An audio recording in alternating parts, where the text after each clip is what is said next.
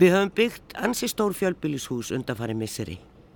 Markmiðið er að þjætta byggðina en einhvern veginn finnst manni stundum að hægt væri að þjætta með öðrum hætti. Hvað eru minni fjölbýlishúsin, raðhúsin og einbýlishúsin? Við ætlum að skoða aðeins það smáa og stóra í þættinum í dag og heimsækjum nýtt íbúðarhús við Nýlandugötu 34. Gamli Vestubærin byggðist út frá aðalstræti sem er elsta gata borgarinnar. Fyrst Vestugata og svo komu aðra götur í kjálfarið. Við skulum líta aðeins í húsakonum sem gerð var um svæðið á vegum Borgarsögursaps árið 2003. Á korti Sveins Sveinssonar búfræðings frá árinu 1887 má sjá að byggðinu Vestugötu er nær orðin samfæld norðan megin en ennþá fremur slitrótt sunnan megin. Svæði fyrir neðan Vestugötu var um miðja 19. öld mýrlend og ílt yfirferðar. Þar var framan af hægi fyrir hestaferðamanna sem gekk undir nafninu Svartiskóur. En hvaðan svo nafngift kom er ekki vitað. Á síðar hluta 19. aldar myndaðist þar gata samsíða Vestugötu sem árið 1896 var nefnd Nýlendugöta eftir tómthúsinu Nýlendu sem þar stóð en var flutt í árbæðasafna árið 1973. Vestan við Svartaskó við, eða Mýrina var reist timburhús árið 1868 sem kallaðist Bakki. Göturnar tvær sem liggja þvert á nýlandugötu frá vestugötu draga báðar nafnsitt af því húsi. Bakkastígur frá áruna 1883 og brunnstígur frá áruna 1898 kentu við brunn sem stóð við bakka. Nýlandugata hefur farið illa vegna skilmála frá fyrsta aðalskipulagi sem gert var fyrir Reykjavík árið 1927. Þar var gert ráð fyrir að hús erðu sambið við flestar götur. Þetta skipula gerði það verkum að eldri hús voru sambið yngri með steinsteiftum viðbyggingum og það er gerna talsveit stærri og viðameiri en aðalhúsin sjálf. Þetta gerir það verkum að ekki er hægt að tala um heilsteifta götumynd og falleg gömul timburhús verða afkáraleg eins og sérst á nýlundu götu 15 þar sem nýja viðbyggingin ber gamla húsið ofurliði. Elstu húsin á reitnum voru flest til snotur einlift timburhús frá aldamótunum 1900. Viðbyggingar eru við mörg þeirra sem sumar hafa með tímanum orðið að sérstökum íbúðarhúsum. Timburhúsa tímabili Reykjavíku lauk árið 1915 þegar samþygt var byggingareglu gerð í bænum í kjölfar brunans mikla þar sem var kveðið svo á um að ekki mætti byggja neitt hús í Reykjavíku bæ úr öðru efni en steini eða steinstipu. Alls eru 46 hús á þessum reit byggð áður en þessi reglugerð var sett. Blómaskeiði reikvíska timburhúsa tímabilsins var á setni hluta 19. aldarinnar og á fyrsta áratíu þeirrar 20. Á þessum reitum má sjá nokkur ólík timburhús frá mismunandi tímum og af mismunandi stærðum. Með þeim aðtiklisverðari er Vestugata 28, það er frá 1881 og svo til í óbreytri mynd frá upphafi. Það er mikilvægt fyrir byggingasöguna því mjög lítið er til af teikningum af svo gamlum húsum. Þetta er eitt af fyrstu báriðashúsum bæjarins. Þegar það var byggt var það með hjártþaki og austugablin var hjártklættur. Þetta var aðeins sjö árum eftir að báriðjárn var fyrst notað á þak í Reykjavík og nokkrum árum eftir að farið var að hjártklæða hús. Nú er aftur farið svo smátt að byggja timburhús. Minnast má á stórbyggingu Havró í Hafnafyrði en ekki svo mörg íbúðarhús. Nett hús hefur ísið við nýlendugötu 34. Það byrtist bara einhvern veginn allt í einu. Gabriel Þór Bjarnason er framkvæmda aðili með Ímis plön og hann á samt hjálmari Sveinsinni eru gæstir hér í stúdjói. En við byrjum með arkitektunum Helga Mar Hallgrímsinni hjá Arkþingi Nordica en hann er hönnuður húsins. Já, við ætlum að fjalla svolítið um það stóra og smáa á svæði í borginni sem er eldgamalt. Hér uh, var byrjað að búa hér um, já ekki síðustu aldamót, þetta er þar síðustu aldamót og í rauninni strax upp úr miðri 19. öldinni var fólk að tegja sig hérna út í ánanaust þó að það hefði nú bara verið tróðningar hingað út eftir. Vestugatan, fyrsta gatan sem að, sem að skapast hér vestur úr Síðan er nýlendugata sem er sérstugata og eins og við höfum orða á áðan og er svona mjög sundurleit og er kannski ekki með svona mjög heillega götumynd. Og uh, svo er að byggjast hér, þetta svæði. Gríðarlega byggingar að rýsa hér, það eru tölvert síðan að það reysi hér stór blokk við Mýragötuna. Og uh, hér er búið að gera upp hérðinshúsið svo kallað þar sem að var náttúrulega vesmiða til margra ára og síðan leikhús, loftkastalinn var í þessu húsi. Það hefur tekið á sig ansi mikið annan svip og hér stendur Grandi, Bysenter Hotels. Þetta er hvað tengslu við Dani. Það getur verið, þetta er selja við úr tvö. Þetta er orðið sveigir hérna fyrir hodnið og svo þar á móti eru tvö ný hús. Eitt sem er nú búið að svona standa í einhverju ár hérna nefnum Mýragötu en svo er hús hér. Nýjandugata 34 og það er þetta smáa sem við höllum að fjallum og það er kannski ekkert svo voðalega lítið en það er lítið á meðan við það sem við höfum verið að fylgjast með í uppbyggingu í höfuborginni undan farin ári. Það sem við sjáum hverja stór byggingun á fætur annari vísa. En í þessu hús eru sjö íbúðir að með skilst og þetta er svona rúströytt fallegu litur á bárjátnin á því og þetta er tömburhús. Helgi Mar Hallgrímsson er með mér hérna út á hotnun á Nýrandugöld og Sæljavegi og við ætlum að rölda hérna þessi kringum húsið, ræðum um það og, og fara svo aðeins í heimsókn.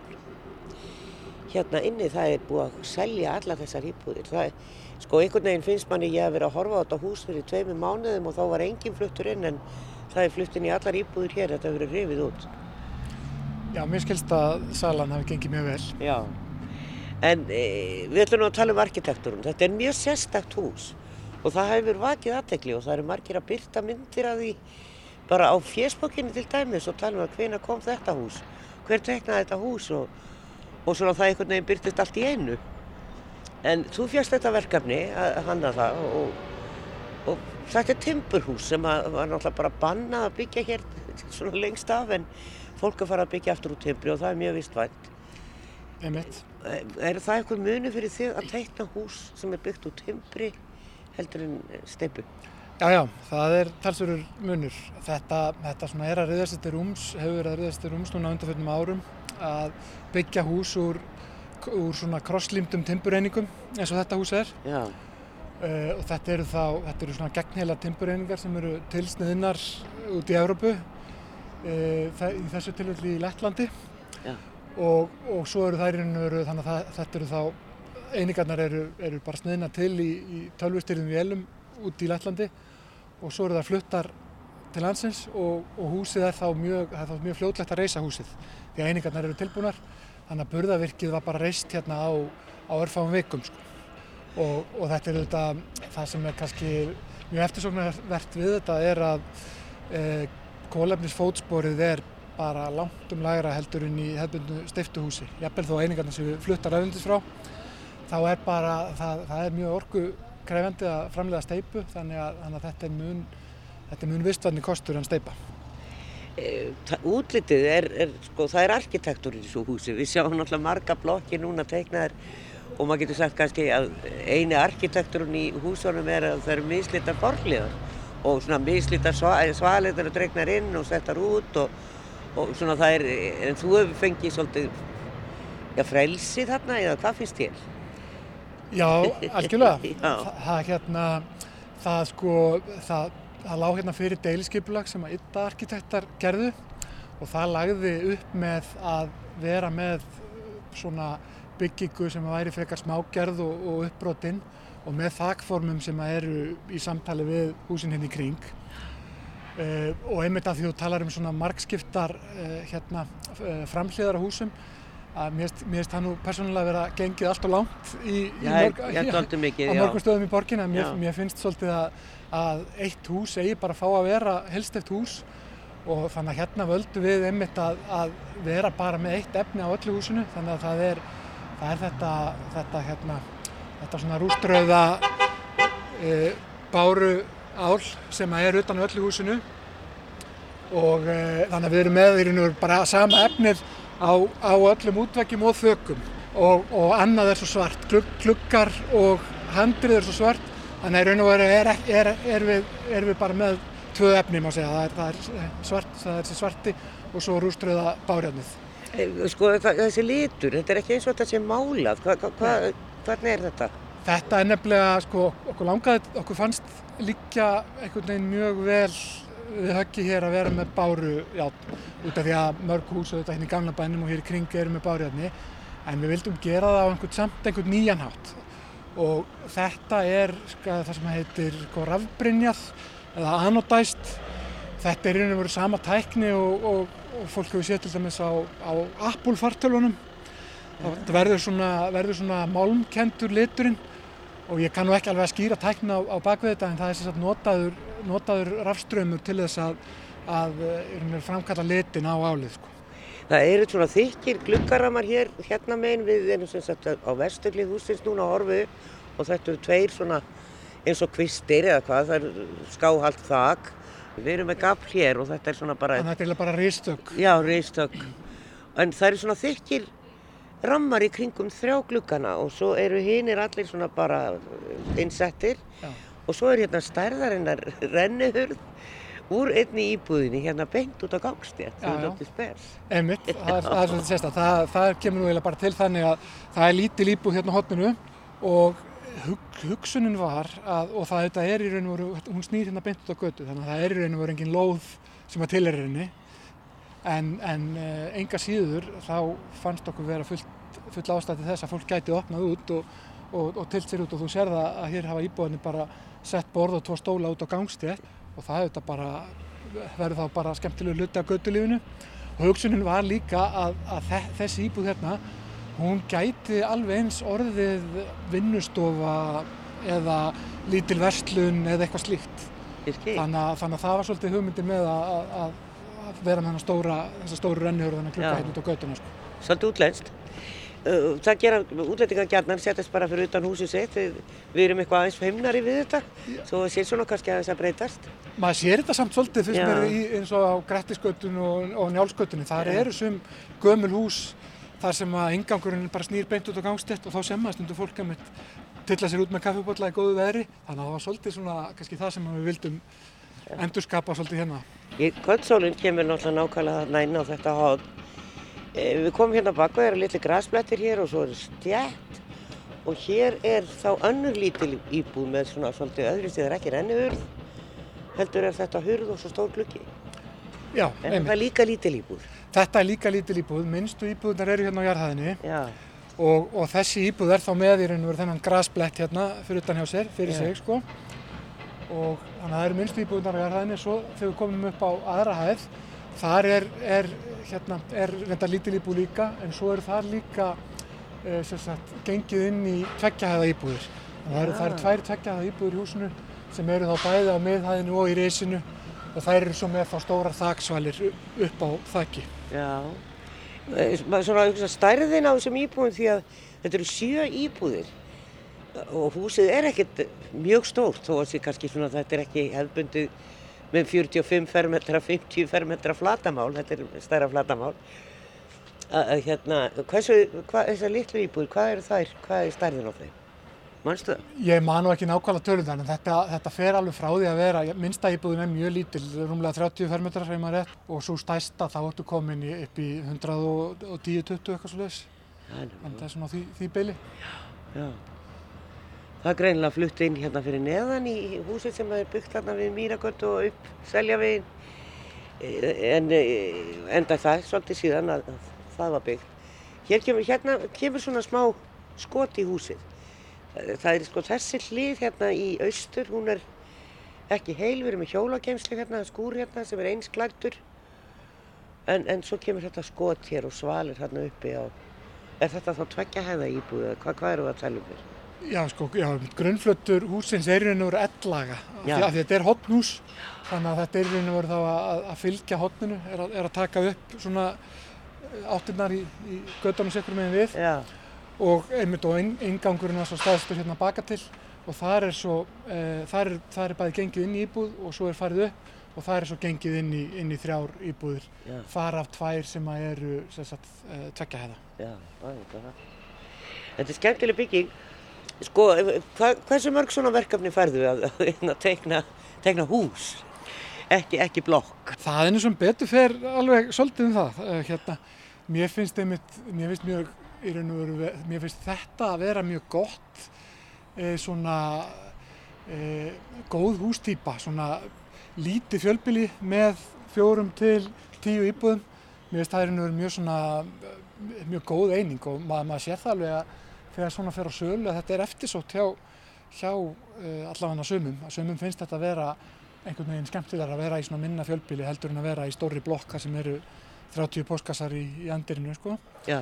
Þannig að já, við höfum gert alveg, alveg svolítið að þessu að vera með svona lítið fjölbilshús og ég, ég er alltaf mjög hrifin af slíkum húsum. Þetta er einhvern veginn svolítið manneskilegra en við megum kíkinn, við skulum kíkinn. Falið að opna fyrir ykkur Já, þetta er það. í íbúð bróður minns. Býr þú í húsinu líka? Ég bý hérna niðri. Já, ok. Fjölskyldu hús. Það held ég nú, sannkallað fjölskyldu hús. Og þarna heyrðum við í Elinu Hansdóttur myndlistakonu, bróður hennar Úlfur eins og hún sagði býr einni í húsinu og við kíkjum inn til hans á eftir og frænka þeirra. Við skoðum okkur um innan dyr á eftir en heilsum fyrst upp á gest okkar hér í stúdíu þá Gabriel Þór Bjarnason, framkvæmda aðila, framkvæmda stjóri og Hjálmar Sveinsson, borgarfulltrú og velkomnir. Takk að fyrir. Þetta er hansi nett og fallet hús, Gabriel. Hvernig gekk að fá lóð og hvaðan kom þessi hugmynd? Já, þessi lóð var nú til sölu og ég raun ekkert meir um það að segja. Nei, Um, bara eins og, eins og eðlilegt er og það, staðan er auðvitað svo að það hefur verið er, erfitt að fá lóðir mm. en þessi var föl og ég hoppa á tækifærið. já, og hugmyndin af því að byggja, já, svona nett hús. Já, það lág fyrir deiluskipulag sem að, sem að, sem að var daldið um, klift og skorið, má segja, og, og hérna, ég sá tækifæri í því að, að, að búa hann til eitthvað einstakt. Timburhús, um, ekki einfalt timburhús, þetta er hátækni hús. Það var allt gert til þess að nýta nýjustu tækni í byggingariðinanum og tókst vel til. Já, Hjálmar, það er þetta með lóðunar, sko, eru svona minni lóðir lítið í bóði? Þetta er nú, hann kaupir þátt frá enga aðeila þá, Eh, borgin á hún eitthvað svona minni lóðum? Nei, þetta er nú sko flesta lóðir sem eru að byggja á uh, er, er í eigu sem sagt ákveðina lóðar hafa því við erum að byggja svo mikið á úrsýrgengnum yðnaðarlóðum og hérna og það er sama hvort að er vogabegð kirkjusandur uh, eða, eða rúfreit eða hlýðrandakverfi þá er, þá er þetta í flestum tilvægum, ekki öllum tilvægum sem sagt í eigu enga aðila og svo gerir borgin sem sagt deiliskipula og þá í vi- samvinnu við loðarhafa og það er skilgrend hversu margar íbúður hvert svæði um sig eh, ber. En mér langar að nefna það þarna við nýldugutun og ég sammála því sem kom fram hjá þér Lísa, ég hef nú ekki farið inn að skoða náttúrulega, bara setja þetta frá mér, fundist teikast afar vel til. En þarna gerði sagt, borgin ákveði, ákveði skipula, eins og Gabriel segir að það var ábyggilega svolítið strángir skilmálar þar, en það er þetta áslega mikilvægt tókn þarna á endanum á Nýlundugötu og Seljavegi. Og mjög mikilvægt að halda í þessa sérstöku stemningu sem eru á Nýlundugötunni sem að þráttir allir sinna miklu sundurleitni er ósvalega sérmærandi gata. Og mér hefur fundist takast einstaklega vel til þar að hérna byggja eh, sem sagt inn í þann staðaranda sem að þar ríkir og mjög vel hefna að þar er lóðarhafi ákveður að byggja þetta úr timbri Já, sem er svona ennþá sko eins og svona smá tilhjónastarðsumi, það er frekar lítið um þetta þannig að mér finnst það bara frábært. já. Ég kannski líka hugsa svona svolítið um að ég sá í blöðum um daginn að það var verið að flytja lítið timburhús sem að stóðin á lóðinni þar sem að frakkastíðurinn er. Gamalt hús það var flutt og gert upp og síðan er verið að flytja út á land. Og uh, ég veit um lítið fallegt hús á laugaveginum á baklu og það sem er verið að byggja á vastík og það þarf að flytja þetta fallega rauða litla hús af lóðinni og það er svona smá vandræði með að finna því stað. Eh, Er lítið um staði þar sem til dæmis er hægt að flytja þessi gamlu timburhús? Já, sko, það er eðlegast þessi gömlu timburhús séu gömlu timburhúsaböðinni og við höfum reyndar eitt dæmi sem ég mann eftir sem að er Starhægin, þar hafa verið þessi tvö timburhús undanfærin ár og annað er gamalt hús sem var flutt af lögavið, það var þarna í baklóð við Sandholsbakari og svo var byggt nýtt timburhús þar. Þannig að svona uh, yfirleitt er reynd að finna fyrir flutningshús þegar að það uh, sem sagt er í gangi að þá er reynd að finna lóðir uh, í gamla bænum það sem hægt er að koma þið fyrir og það hefur yfirleitt tekist Já. þannig að það er synd eins og þú segir að ef að hefur þurft að flytja sem sagt hús úr gamla bænum eh, sem sagt út fyrir bæn ég myndi segja að það sé svo til send. Já, það getur líka vel verið að það fólk hafi vilja það, það stóð ekkert um það í Já, já, svo En ég var bara að hugsa um þetta því ég veit Já, um já. þetta rauða hús á Já, já, einmitt, ég held að veitu hvað áttu. Já, akkurat. En eh, arkitektin, eh, Gabriel, sem að Helgi Marr, Já, hvernig kom hann að verkinu? Fannst þú hann eða... Já ég, ég hef unnið með uh, Arkþing og, og, og, og Helgamar áður og í raun og veru þá eftir gott spjall og, og svona fyrstu hugmyndavinu með honum að þá, þá fannst mér ekkit annað að koma til greina en að, en að vinna þetta með, með honum og, og, og því góða starfsfólki á Arkþing. Já, það er nefnilega það. Og hann var greinlega þakkláttu fyrir verkið. Eh, en það er ekki margir að byggja timburhús. Hvað, hvað, þú kannski hefur einhverja yfirsýn yfir það, Hjalmar? Nei, ég get nú valla sagt það og hérna það er sannilega svona líku við að segja hægt að telja fingurum annar handar. Þú myndist nú á það timburhús sem við vakið mesta aðtikli og ég aðbila aðdáðun undanfærin ár og það er hérna hús Hafránsóknarstoflunar í Hafnafyrði og hérna sem að er alveg frábært, fer mjög vel, þetta verður gömlu fransbókarhöfnina rétt aðna hjá, þannig að það hefur tekist afar vel til og ég er bara hrifin af þeim metnaði sem að þeir sem að byggja þetta sína þar. Svo er að því að það er kannski sem við getum komið betur inn á að, að sko við erum kannski ekki að líta endilega bara til timburhúsa heldur, erum við að líta til þess hvernig er hægt að byggja vistvænt og hérna og þar er borgin þáttakandi í alþjóðlugu samstarfi sem kalla C40 eða Cities 40 eða Cities 40 kalla eru 40 borgir og það var raunar eh, kom þannig til að okkar ágæti borgarstjóri var statur út í París og hitti þar Ann Hidalgo sem er borgarstjóri í París og Michael, Michael Bloomberg fyrirhundi borgarstjóri í New York sem að sögðuna frá þessu sem að þau voru að stopna þetta City 40 og buðu Reykjavík, buðu honum í rauninni að taka þátt, eða Reykjavík að hann sem fulltur Reykjavíkur var búið að taka þátt í þessu verkefni. Og ég minnist að þetta vegna þess að það var verið að segja bara frá því um daginn að það var enn til samkeppni um hvað skuli gera við stóru steipisílóin við sæfiðarhafða og svona þótti klossaður byggingar sem eru þar allt um kring þar hefði verið kannski freistandi og menn hefði hyglu skerta bara fyrir kannski 10 árum eða 20 árum, allt hefði verið rifið. En vist, sem sagt, vistfræðilega og að þá er miklu hagstæðar að endur nýta þetta hús og það hefur verið gert við um heim, þessum er svona síl og eru útbúna litlar íbúðriðum. Þannig að það er svona endurnýting gamalla mannvirkja, það geta líka verið steipumannvirki. Það er mjög í taktu þetta, þessa hugsun í samvöldu við þessar hérna, City 40 og svo er þar, vann þar fyrir tveimur eða þreimur árum eh, verkefni þarna á söpum slóðum við ellu orðnar teimi sem að ætlar sér, það er enþá standið við samningavirðaður, að byggja mjög stort timburhús með svona stórum ingarði og ég veit ekki alveg hvernig það mál stendur en síðastir vissi þá var það í gangi ennþá. Já, í þeirri keppni, samkeppni líka þá unnu mitt basalt arkitekta líka byggingu sem átt að standa niður við endan á lámúnar niður við lögafið, hotnun á Nákvæmlega, og, það, er, já, og það, er, það er bara allt í fullum gangi, sko. Já, nákvæmlega. Og það er svona dæmi um svona nýtingu á mjög illa nýttu landi, halgjöru veghelgunarsvæði, þarna milli Suðurlandsbrauta, Kringlumerabrautar og Lámála. Já, nákvæmlega. En þú sagðir, Gabriel, að það hefði verið flókið. Hvað Já. var svona flókið? Um, já, þetta eru sjö íbúðir á þreymur hæðum og á fyrstu hæðin eru, þrjú, þr- eru þrjár íbúðir, Já. á annari hæðin eru fjórar íbúðir og þar af ganga þrjár upp í stakstæð hús á þriðið hæð. Þannig að burðarvirki sjálft er flókið og uh, það að burðavirki sé flókið hefur í raun keðjuverkandi áhrif á aðra þætti í húsinu eins og til dæmis bara lagnaleiðir og, og, og fleira.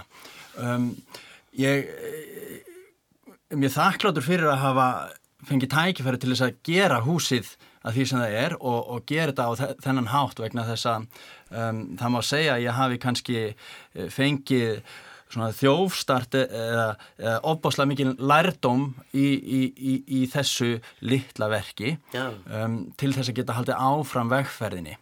Uh, staðan er uh, svo að það er og að eiga sér stað viðmiðaskipti í átta timburburðavirkjum eins og þið eru öll búin að vera að tala um. Um, og við erum uh, hér á Íslandi að taka fyrstu skrefin í þá átt.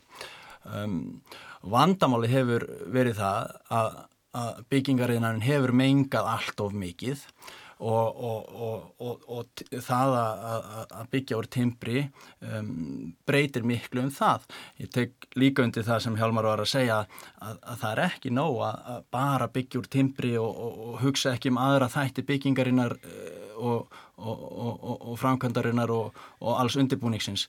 Um, og þess vegna er svo gott að, að, hérna, að það er að myndast kvatar og almenningur er, er farin að meta það að, að búa í húsum sem að hafa svo kallar umhverfisvottun. Og, og þetta er persónulegt markmið hjá mér til dæmis að byggja bregjanvottað hús í framtíðinni og, og, og þá þýðir ekkit bara að byggja úr, úr timburburðavirki einungis þú þarfst að hugsa um allskins aðra þætti og og, og, og þetta, er, þetta, þetta er mjög skemmtilegt og hefur sinn tilgang sem að, hérna, sem að gera verkum að vera tilbúin að vakna á mótnana. Hvort þetta er dýrt eða ódýrt skulum við tala um á eftir en uh, við ætlum að kíkja hans í heimsókn með Helga Marr og uh, Elin Hansdóttur fylgjur okkur upp í búð bróðusins. Sko, maður vanur því sem að kemur inn í steinhús og bergmálar allt en þegar við komum hér inn á ganginn tröppur upp þá er þetta bara hrein þetta er bara treð. Þetta mann, finnst svona að sé ekki borið á þetta það lítur að vera eitthvað borið á þetta. Yfirborðin er lokað með, með einhvers konar lakki uh, og hérna, það með þess að blandað í, í, í hérna, efnið smá skvítu litarefni því annars þá gulnar timbrið frekar, frekar hratt. Já. þannig að þetta er svona bara náttúrulegur liturinn uh, viðhaldi sér Þetta er svolítið eins og gangin í kassa með tröppum. Þetta er svona á litin eins og trekassi, getur við sagt, en, en ákvæmlega fattur þetta hljóðvistinn alltaf dásanleg. En hér er ákvæmski eftir að ganga þess frá gólfum eða hvað. Eða þetta er bara steipan. Hérna á mótur. Það á nú, á nú eftir að koma eitthvað gólfum í hérna. Já, já, um mitt. Þannig að það er ekki alveg búið að klára. Og kom hér inn íbúðina sem að mér skilst að Úlfur Hansson búi í. Þetta tveggja hefða íbúð. Og við komum hér inn í litla stofu barnaherbyggi hér til veistri hjónaherbyggi til aðri baðherbyggi og það er allstar þessi tréveggir. Þetta er svolítið, þetta er mjög sérstækt Já, ok okkur fannst um að gera sko að, að leifa timburinn að njóta sín, að á annar borðið verið að byggja timburhús. Og timbrið hefur auðvitað líka marga kosti, það er, það er hljóðdempandi og það stuðlar að bara svona góðri innivist. Þannig að hérna, fyrir utan að vera fallett Já, já, það eru svalir hér í austur. Já. og uh, við ætlum að kíkja þessu upp á efri hæðina. Hér er búið að setja teppi á stegan, hérna upp, svona gróan, gróft teppi.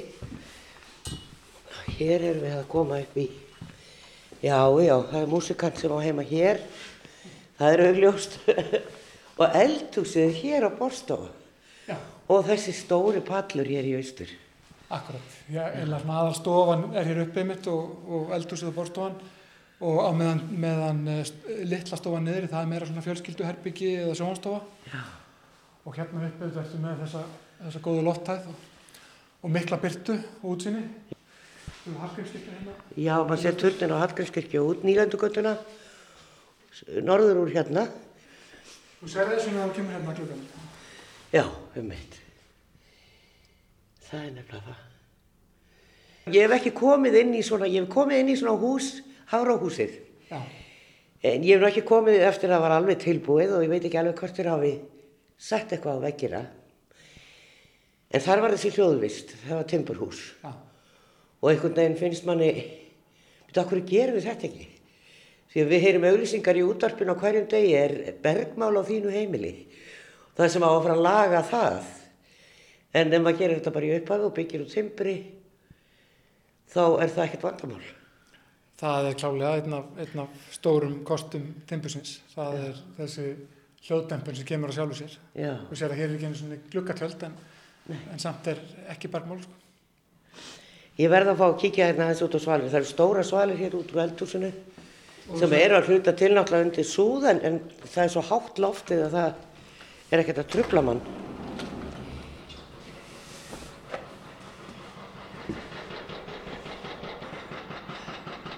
Hér sem sagt snúum við í suður, í suður svalir.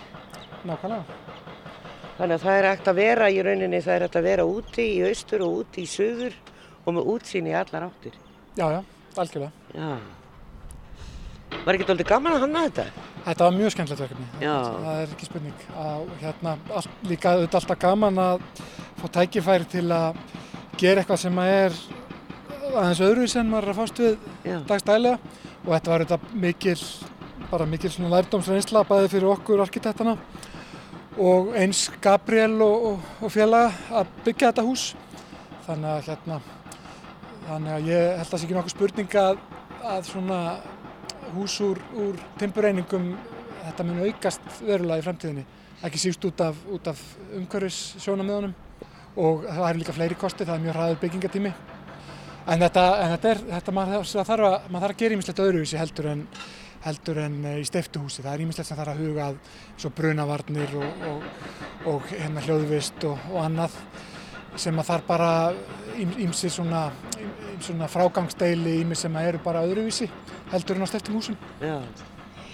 Eh, Af hverju byggjum við ekki meira svona? Ég meina, við erum að byggja þessar rísa, já, þessi rísa hverfi með blokkum og það er í rauninni ekki mikil fjölbreytni í mörgum af þessum reytum sem er verið að byggja í borgin í dag. Að það eru allt blokkir og, og misháar og, og misstórar og allt það en það er engin raðhús, það er engin svona minni fjölbílshús Eh, sko við erum með ótrúlega sko nýtingu á einum hektara. Heilt tölun alveg upp í 250 íbúður á hektara. Það sé nú frekar sjálfgeft en samt sem áður það gerist. Eh, 60 íbúður á hektara í breiðholtinu. Þannig að þetta er gríðalegu munur þó að nema að fara upp í 150 sko þá er það alveg rúmlega tvöfald Ég, ég held að við ættum að gera meira því að, að vera með smágerðari hús á, á þéttingasveðum og það er hægt að ná miklum þéttleika líka með, með smágerðari húsum, með Já. húsum sem eru þetta 2-4 hæðir. E, þannig að þetta sagt, það er auðvitað meiri kannski hagkvæmni í byggingu að vera með stóra blokkir en það er alveg hægt að ná heilmiklum þéttleikin á þessari lóðu er mikill sem við stöndum á hér. Já, Þannig að það er alveg að ná, ná fram heilmiklum þéttleika með aðeins svona smágerðari byggð heldur en kannski er verið að gera sumstaðar. Og, og ég held að við ættum að gera meira af því að, því að það er svona svolítið eh, karakter reykjavíkur að vera með frekar, frekar meira þessu smágerða heldur en stórgerða. já, einmitt, segi það. En hvernig áttu eftir að fara með við, sko, við erum náttúrulega með þetta stóra hús sem við töluðum um í upphafi sem er orðið hótel hérna, gamla héðshúsið. Við sjáum náttúrulega ekki þetta stóra blokkakverfi sem að er að rýsa eða á eftir að rýsa hérna fyrir neðan. Það verður eiginlega í kvarfi eða rýsta hér upp fyrir, veistu það, upp fyrir þe- þetta er þó ein, tvær, þrjár, fjóra, fimm hæðir héðshúsið. Ég, ég hugsa að þú, sjá, hugsa að þú munum ekki sjá byggingarnar sem sagt hinum megin við hótelið hérðan nema bara sem sagt út á hotni þarna, vinstra megin við hótelið. Það sem að malarhugurinn er, það hann mun koma hotnhús sem að verður hluta þessari nýju Já, byggingu. ég skil, skil. E, já, þetta, verður, þetta er mikill munur á byggingamagnið og þetta sé vel nýttur eitur. Já, já, já, það er alveg rétt. Já, hvað sér, í hvað býr þú niðri á næsta hæð? Já, ég bý á jarðhæðinni. Í pínlítið íbúð? Já, pínulítið, pínulítið líka. Gaman að þessu sískin sem að kaupa Já, já, svo er frænka mín sem kefti hérna litlu íbúðan hérna niðri, sko. ok. Og, og önnur tengt fjölskyldin, þetta er algjör mafja, sko. Þetta er frábært hús. Ótrúlega góður andið. Svakalega gott að vera hérna. Já, maður finnur það bara strax að miklu lengst. Já, Já. það er rosalega góður andi í Og þessu. bara hlýtt og svona notalegt. Já. Og þar með hverði við Helga Mar Hallgrímsson arkitekthúsins frá Arkþing Nordica og Elinu Hansdóttur myndlistakonu og höldum áfram hér í stúdiói með þeim Gabriel Þór Bjarnasinni og Hjálmar Sveinsinni. E, sko, dýrt, ódýrt, hvað, hvað segir þú, Gabriel? Er þetta, voru þetta dýrar íbúðir þú seldi þær, var dýrt að byggja þetta? Já og já. Já, og ég myndi segja að almennt þá er þetta jafn dýrt og að byggja hefðbundið íbúðarhúsnæði. Og en, á, en, en það sem þú ferð á móti eru meiri gæði. Og ég myndi segja að kosturinn við það að búa í svona húsi eru aukin lífsgæði. Eh, Það að búa innan um náttúrulegt efni eins og timbur, það hefur áhrif á sálartetrið. Til dæmis lækkar ákveðin stresshormón og fleira og það er ekki bara ég sem er að segja það, heldur hefur þetta verið rannsakað út í Þýskalandi og Östuríki um, hjá mjög virtum háskólum um, og, og, og nýðurstaðan er bara svo að, að svona hús eru heilnamari og, og þú heyrir það bara á íbúnum eins og við vorum að tala um að, að þarna er gott að vera. Já, en ég upplýði svolítið þegar ég var að koma inn í stigagangin og stíginu upp og þetta er svona á litin, en svolítið erfitt að lýsa litnum að því að hann er eiginlega, þetta er bara timburlitur, þetta er fura sem að þarna er og, og, og, og klætt og hann talaði um einhvers konar lag, en þetta er ekki lag. Þetta var svolítið eins og ganga upp tröppur inn í kassa og náttúrulega ekkert bergmál, nákvæmlega ekki neitt. E, hvað er þetta sem er borðið á timbri þannig að þið haldið í svona ljósu? Já, þetta er sem sagt bara uh, málning sem að er ætluð fyrir þetta byggingarefni til þess að hæja á gulnun og gefa þessu svona léttan hvítan tón um, án þess að skikja á æðarnar á timbrinu uh, til þess að þú fáir og haldir þessum náttúrulega fíling Já, og ég vil kannski bæta við að, að, að, að það, það er rétt sem að segja með bergmálið en á móti að, að þá, þá, þá hefur verið hugsað fyrir hljóðvist frá A til Ö um, við hönnun þessa hús og, og það þarf að gera það eins og í öllum öðrum húsum til þess að uppfylla um, kröfur byggingareglgerar En það er svo skrítið með... gæða. Já, já, en það er svo skrítið með timbri þegar ég kom inn í Hafráhúsið sem ég nefndi nú þarna að e, þá var það bara á byggingastígi en þá búið að klæða það alltaf innan með timbri og ég kom inn í stóran sal neðist í húsinu á fyrstu hæð og ábyggilega svona 100 fermetra rými og það var eins og að ganga inn í stúdjó að ganga þar inn og það var bara ekkert bergmál Þannig að þetta er í sjálfu sér einhvern veginn þó að sér vera að huga hljóðvist. Miklu betra svona hljóðvistalega sér. Ég hugsa sér flestir samála því það er ekkert eins liðilt eins og sitja og spjalla í húsi sem að bergmálar rosalega mikið. Já, já, lofthljóð innan rýmana er töluvert betra Já, upp á bergmálað að gera Já, nákvæmlega. Nú, þú, svo áður ég sleppið frá þessu, þú ert og síndur okkur áðan hérna mér og Hjálmari frammi að teikningar af því sem þú ert að byggja núna upp í Úlfarsárdal. Já. Og það er stærra hús, en engin reysa blokk. Nei, þetta eru, þetta er tólvíbúða blokk á þremur hæðum einnig um, og þetta er skref nummið tvö hjá mér og ég eh, horfi á innleiðinguna að þessu sem svona fjö- fjögurra skrefa plan hjá mér. Og, og, og, og skref nummer eitt er þá lítið og flókið hús eins og við tölum um nýlendu gata 34 og, og skref nummer tvö er þá ennþá engin rísa blokk en, en þó 12 íbúðir og, og er einfalt Já. í hönnun og, og þar kannski svona uh, sé ég enn betur hvar, hvernig hægt er að hagræða og, og, og, og, og hver byggingarhraðin getur orðið uh, þegar maður byggir hefðbundnara uh, hús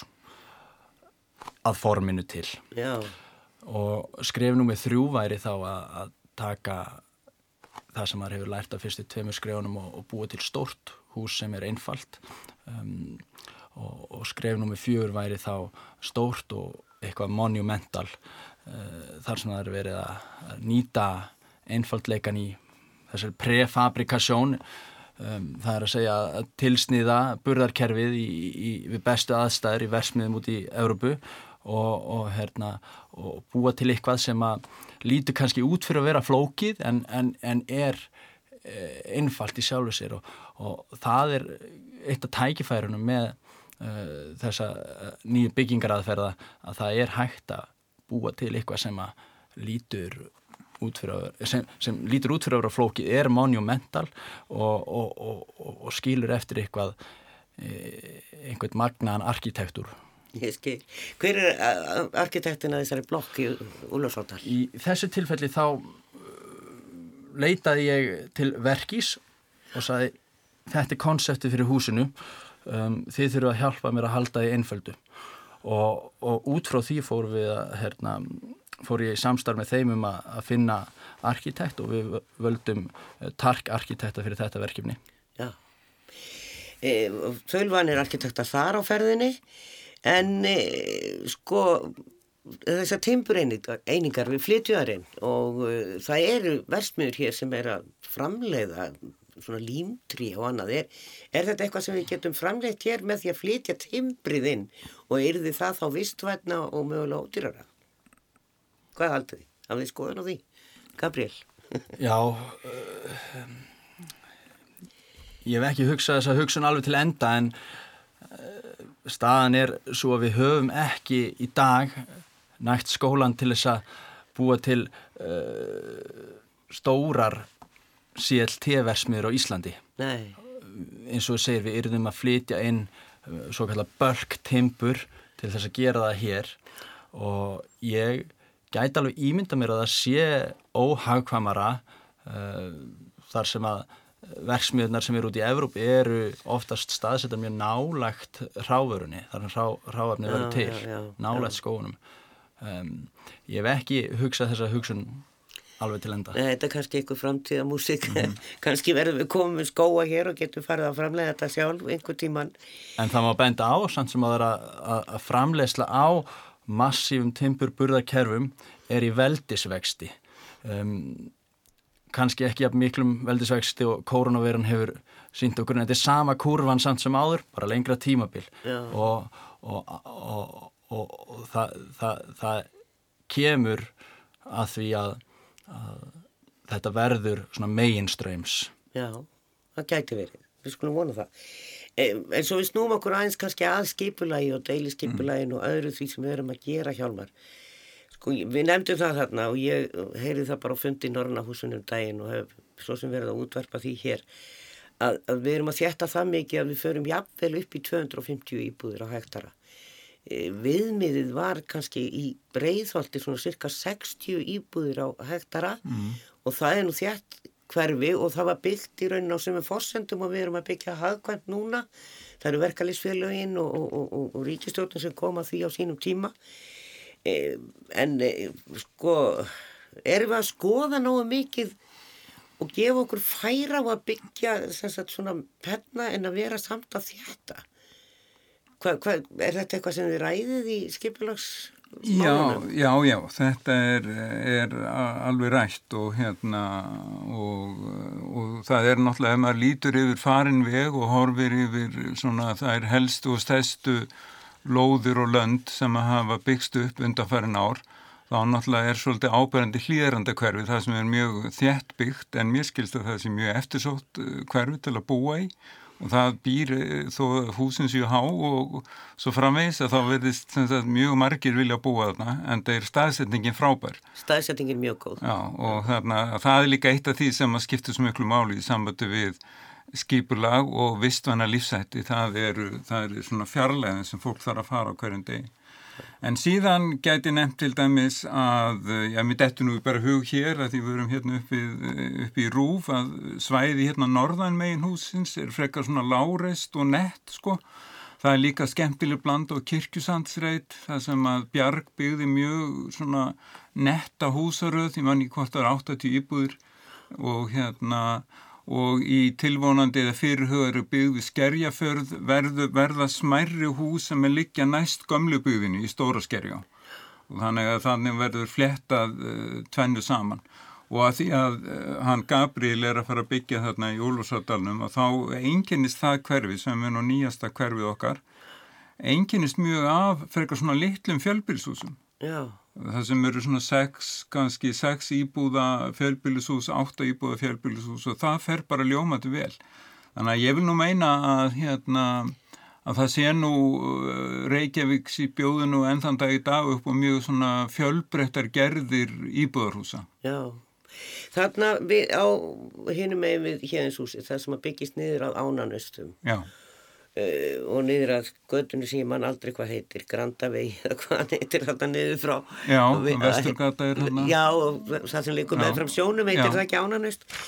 E, sko, þegar maður skoðar þetta pena hús þarna og þau bæði í rauninni þannig að við liðina sem er reyndur allt allt öðru í svo hús en, en, en þau eru svona láreist. Mhm. Og maður hugsaði sko því það verður svona samkvæmt deiliskipulæni sem ég er svona skoða, það er ekki alveg endalega frágengið en verða að vinna í því en þá.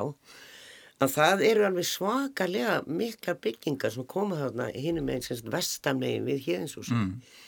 Og ég fór að hugsa að býta verið ekki hægt að byggja bara nokkur svona, svona þessari stærð. já. Sko 7 til 10-12 íbúða einingar. Já, jú, það kom er að segja tillaga, það var, það var svona enn til svona óformlegarar, ég man ekki hvort það var arkitekthópinu sem heit hægbreytilega átt eða hvað það hétun áttur, það var rétt eftir hrun og þá var svona, höfðu arkitekta lítið að gera en voru mjög mikið að pæla og það var meðal annars pælt í þessum reyt. En eh, það er eins og er svo ofta þessi mál að þau spanna svo stóran tíma. Þarna voru ákveðin lóðaréttindi, þarna voru ákveðin lóðarhafar með ákveðin uppbyggingaréttindi sem voru ekki tekin af þeim nema þá með hugsalega mjög miklum skadabótum. Auk þess sem að við sjáum þetta þannig að það verða algjör skipti með híðinshúsinu. Það var mjög lógist að byggja þessi tvö timburhús, það sem að Gabriel er að byggja, þarna við þessa smágerðu byggð við Nýlundugötu. Síðan handan og vestan megin við híðinshúsið, það sem að tekur við uh, hérna sem sagt í rauninni algjört eidiland sem er við þessar hálgerður hraðbrautir sem eru þarna að það svæði bera mínu mati miklu meiri hérna, miklu meira byggingamagn Já. og hérna og það kemur til með að koma þar svona innigarður eða tveir inngarðar ef maður rétt en ég held á endanum að þá muni þetta er mjög stórt, það er alveg hár rétt að vera mjög þétt en ég held að þú veist, það er svona meira í takt í hérðinshúsið og hérna gamla búr sem að hérna Mýragata 26, þessi svona stórgerðu karakter sem að var vissulega svolítið á staðnum Já. Gabriel, ertu komið með lóðir undir framtíðina? Þú ert með að byggja hérna í Úlásárdal. Ertu komið með lóðir fyrir monumentalhúsið og, og svona stærri flóknari byggingu? Við skulum bara segja að það sé allan í auksín. Það er í auksín. Þannig að þetta er, sko, að því að ég er að hugsa svolítið um verktakana, mér, þeir fá nú, ég veist, bankið í hausinn að þeir séu að krefjast þess að það sé byggt svona stórt og mikið til þess að það borgi sig að byggja. E, já, þannig að það er, það er ekki svo flókið að sækjum, sækjast eftir lóð. Það er vissulega lóðaskortur eins og talað er um, en uh, hvað voru byggða margar íbúður í fyrra? 3800 Já, í byggingu í Já. byggingu, Já. sem sagt, í byggingu, já. Og, og, og núna er, eru stór hverfi að koma um, á höfuborgarsvæðinu. Ég held að ef að, ef að við höldum áfram gera það sem við erum að gera þá verði alveg nægt lóða frambóð. Já, við skulum vona það, en kannski svona í lokin, Hjálmar, í hvað er í farfanda við miðbakkan á að byggja, ekki satt, það var allavega einhverja teknikar sem ég sá á því fyrir, ég er aldrei löngu síðan og uh, svo frá hótelinu og, og sl- slipnum og að uh, litla steinbænum sem stendur þarna, beint á móti, seljavegi. Já, þar er svo kvöldu vesturbugt og þar hefur staðið mjög lengi til að byggja, talsveit þétt. Og hérna, og það verður reyndar svona blanda hverfi að því að þar verða allmargar, það er um 170 íbúður og þar eru um 70 íbúður ef ég mani þetta rétt, þetta er nú svolítið ferð að snjó yfir þetta hjá mér, á félagslegum forsöndum, hvort sem eru stúdendu íbúður eða, eða félag, íbúðafélag verkefliðsherringarinnar bjarg, það er ekki alveg búið að ganga frá því að öllu leiti endanlega, nei, en ég er að vonast til þess að það, bygging, uh, þær byggingar fari í gang, það eru mjög langt um líður. Og hérna því það dreigist mjög mikið en það stendur ekki til, það, ef ég maður rétt að þá er það er heimild fyrir svona smærri húsum, léttum húsum sem auðvöld er að fjarlæga á miðbakkanum. En það stendur ekki til að fara að byggja þar upp uh, eitthvað risastórt lúsushótel. Nei. Það stendur ekki til. En maður hugsa svolítið um litla steinbæn sem er friðaður þarna Já, á. Mýragötunni. Hvernig það hús verður þegar það er búið að reysa þar ykkur á stóra blokkir, sigur megin við. Já, það verður mjög sérstætt en það mun þá rýma ákveðlega við húsum í Nýlundugötu, þetta er gamla Reykjavík. Þarna var náttúrulega aldrei neinn íbúðabygg, þetta er gammal slipur og Já. rauninni sem sagt einhver leiti svona landfyllingar. Þannig að það verður að nýta þetta land sem hefur bara verið svona malarstæði fyrir bíla núna í síðastliðin 7-8 ár sko. Já, nákvæmlega, verið nýtt á sjómanundaginn þegar það er Já. haldið upp á hann. En við komumst ekki lengri í bíli Hjalmar Sveinsson, borgarfulltrú og Gabriel Þór Bjarnason, Frankaldastjóri, þakku kjalla fyrir. Takk fyrir. Takk.